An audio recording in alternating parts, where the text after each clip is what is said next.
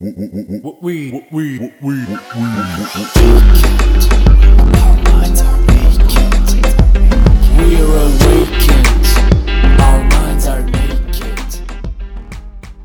svima, ja sam Martina Đokić, a vi slušate podcast Mentalni nudista.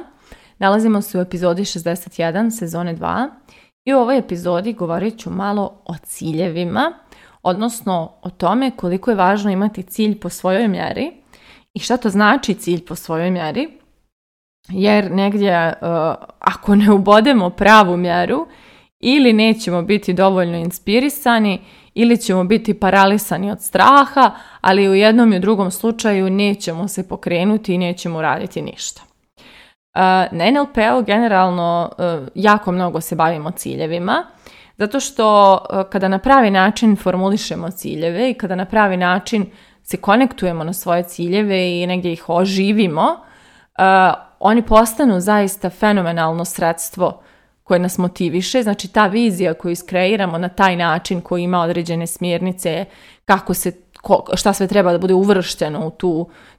kreaciju,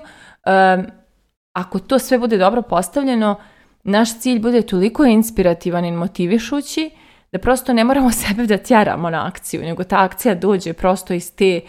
oduševljenosti tom idejom i iz te ogromne želje da doživimo to što smo sada iskreirali kroz taj svoj cilj.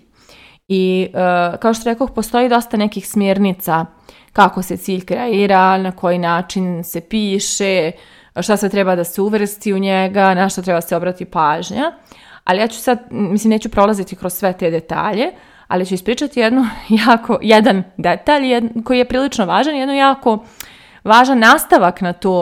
uh, šta je važno kod tog detalja sve zadovoljiti. Uh, između ostalog, uh, važno je da cilj bude inspirativan, odnosno jedinstven, uh, odnosno da kada kreiramo neki cilj, on nama bude dovoljno wow. Da bukvalno kada pomislimo kada pomislimo da nam je život takav i da tako to sve sad izgleda u našoj budućnosti, da bukvalno imamo onaj osjećaj kao oh, zamisli to, kao zamisli da se to tako sad desi. E, ukoliko nema tog oduševljenja, uglavnom nema ni motivacije. A ljudi često brkaju zadatke i ciljeve i onda oni sebi naredaju neke taskove doslovno. Da smršam toliko i toliko, da uradim ovo, da završim ono, da postignem ovo, da da da da, a to nije dovoljno wow. Znači, cilj mora baš da se formuliše kao čitava jedna vizija budućnosti, čitav jedan dan u kojem se dešava svašta nešto i tako dalje i da se mi baš onako povežemo s tim budućim trenutkom. Ali ono što je jako važno da u tom budućem trenutku postoji je taj neki ozbiljan pomak. Znači da ti, taj cilj simboliše zaista to da smo mi pomakli se naprijed, da je naš život sada ono značajno bolji i kvalitetniji i da mi zaista kada pomislimo na tu svoju verziju života buduću, budemo onako ozareni, oduševljeni, opčinjeni, da smo u jedva čekanju doslovno da taj život postignemo. Ono što se često dešava, kao što rekoh, je da ljudi naprave sebi taskove koji nisu dovoljno inspirativni i prosto nisu dovoljno wow, a s druge strane, ono što se isto često dešava je da ljudi naprave prevelik cilj sad zvuči ružno prevelik cilj, ali objasnit ću, ali naprave cilj koji im nije nimalo opipljiv i previše im je abstraktan i, i, i krupan i samim tim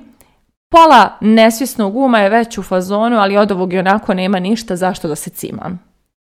I onda je i to jedna velika klopka. Znači ja sam, ako iko na ovom svijetu podržava da se sanja veliko, to sam ja, znači ja sam taj lik i ja vjerujem da svi mi sve možemo i ne postoji klijent koji se meni obrati ili meni dođe sa bilo kakvim snom, a da ja ne vjerujem da je taj san moguće ostvariti. Znači prosto ja zaista u sebi nosim ogromnu vjeru za sve moguće snove koje ljudi imaju i nagledala sam se mnogih ostvarenih snova, učestvovala sam u podršci mnogim ljudima koji su ostvarili jako velike snove i sama sam ostvarivala neke stvari koje su mi se činile nemogućima. Tako da vjera u meni postoji. Međutim,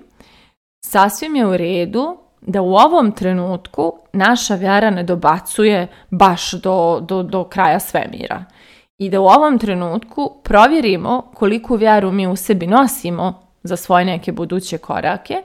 i da po toj vjeri i po tim, tom nekom trenutnom stanju nađemo cilj koji je dovoljno uzbudljiv, ali i dovoljno opipljiv. Jer ono što se, kao što rekoh, dešava je da ili napravimo nedovoljno uzbudljiv cilj, odnosno nešto tako banalno i obično, ili napravimo nešto toliko abstraktno, daleko i krupno, da ne znamo odakle da počnemo i nismo ni sigurni da ima načina da tu stignemo i samim tim negdje se i ne pokrećemo. Uh, ono što sam ja isto kroz godine naučila je da negdje nije pojenta sebe tjerati na akciju. Znači, pojenta je sebe tretirati na način da smo inspirisani za akciju. Znači, ako smo umorni, odmoriti se dok se jednog dana ne probudimo i kažemo ajmo u akciju. Ako smo neinspirisani, tražiti cilj dok ne nađemo onaj koji nas inspiriše i jedva čekamo da krenemo u akciju. I recimo ja tako imam zacrtane neke svoje ciljeve, ali čim vidim da ne radim na njima, ja onda krenem malo da istražujem šta nije naleglo. Da li postoji neko vjerovanje da je to nemoguće? Da li možda način na koji ću taj cilj da ostvarim ili na koji sam ga oblikovala nije mi dovoljno inspirativan, nije mi dovoljno pokretački, pa treba nešto da doradim, da dodam neki element tom cilju pa da on mene pokrene i tako dalje i tako dalje. Ali suština je tražim da mi se inspiracija desi i da me sama inspiracija povuče, a ne da ja sama sebe bičujem da treba da radim na nečemu i moram da radim na nečemu jer sam ja sebi odredila da moram tamo da stignem. I zaista kada napravite ovaj neki savršeni balans sa ciljem, vi ni nećete morati sebe da tjerate, zato što prosto um, postojeće jasna inspiracija i motivacija u vama koja će da vas sama po sebi pokrene. I recimo šta znači, e, kao što rekoh, imati nedovoljno inspirativne ciljeve. To su uglavnom neki ciljevi koje smo pretvorili tako u neke brojke, kao da zarađujem toliko i toliko, ili da dobijem tu i tu povišicu, da e, ne znam, smršam toliko i toliko ili da imam toliko i toliko kila, da završim taj i taj kurs, da dobijem tu i tu diplomu, da ne znam, ja otputujem tu i tu i to sad može biti inspirativno, u smislu neka cifra može biti zanimljiva i inspirativna, ali mnogo je važnije zamisliti šta nam ostvarenje te, te liste donosi, kakav život, ko smo mi tada, kako se osjećamo u svojoj koži, šta nam to sve omogućava i tako dalje i tako dalje. S druge strane, ako napravimo krupan cilj, odnosno neopipljiv, na primjer, uh, hoću da zarađujem lupam sad, ne znam, 10.000 eura mjesečno, a trenutno zarađujem 1000, uh, možda, možda se čini tih hiljada prevelik zaloga i toliko abstraktan da ne znam ni odakle da počnem i onda eto tako nastavljam tih svojih hiljadu da pravim. Ali da stavim sebi cilj 3.000, od 1000 do tri čini se moguće izvodljivo doći i čini se da postoje načini koji su mi sada već tu na dohvat ruke ako se malo pokrenem i krenem da ih istražujem. Tako da to znači onako dovoljno pipljev cilj. I uh, ono što negdje možemo da obratimo pažnju je u kojim sve poljima smo mi sebe zadali ciljeve i da provjerimo kakvi su, da li su dovoljno inspirativni da, ili su preabstraktni ili su prebanalni pa nas ne uzbuđuju. Naprimjer, primjer, ja sam dugo sa kilažom imala taj neki neinspirativan cilj, to je bio neki task koji nisam pokretala i onda tek kada sam počela da zamišljam sebe kao sportistu, kao nekog ko njeguje svoje tijelo na taj način i ima tu vrstu odnosa sa sobom, tek tada je to meni postalo dovoljno inspirativno jer sam mogla da zamislim neku novu Martinu koja je ono potpuno e, zadovoljna svojim tijelom, koja ima samopouzdanje, koja se osjeća moćno, snažno i tako dalje i to je ono što me pokrenulo. Isto tako ja sam osoba koju novac zaista dugo dugo nije motivisao i nekako prosto moj posao je moja misija i samim tim nisam nekako, uvijek sam imala ispunjeno srce i dušu, a na novac sam najmanje obraćala pažnje. I da se razumijemo, ja sam ja imala periodi kada sam zarađivala vrhunski, imala sam periodi kada sam sam novac koji zaradim žrtvovala za neke svoje ideje i poslovne poduhvate, ali e, nekako nikad mi nije bila cifra na papiru dovoljan motiv da se nekako kao pokrenem da, da pravim taj novac. A onda e, ili sam sebi recimo zadavala neke sume koje su bile preabstraktne i prevelike, a dolazile su najviše nakon tih perioda kada bih ja zažrtvovala svoju financijsku sigurnost za neke ideje onda bih bila dugo poljuljana egzistencijalno i onda bih zamišljala neke cifre koje su kao, ako ih budem zarađivala, one će sve da mi riješe, ali su one ono bile baš krupne za mene tada, kao ono kad pregladnite, pa u prodavnicu pa kupite svega previše. E tako sam i ja pravila neke cifre koje su kao, kad bi to imala, to bi riješilo sve moje probleme, ali s obzirom da nemam, kada imam malo, jako malo i nemam ni blizu toga, nisam imala ni snage, ni volje, ni inspiracije da radim na toj cifri tolikoj. I tek kada sam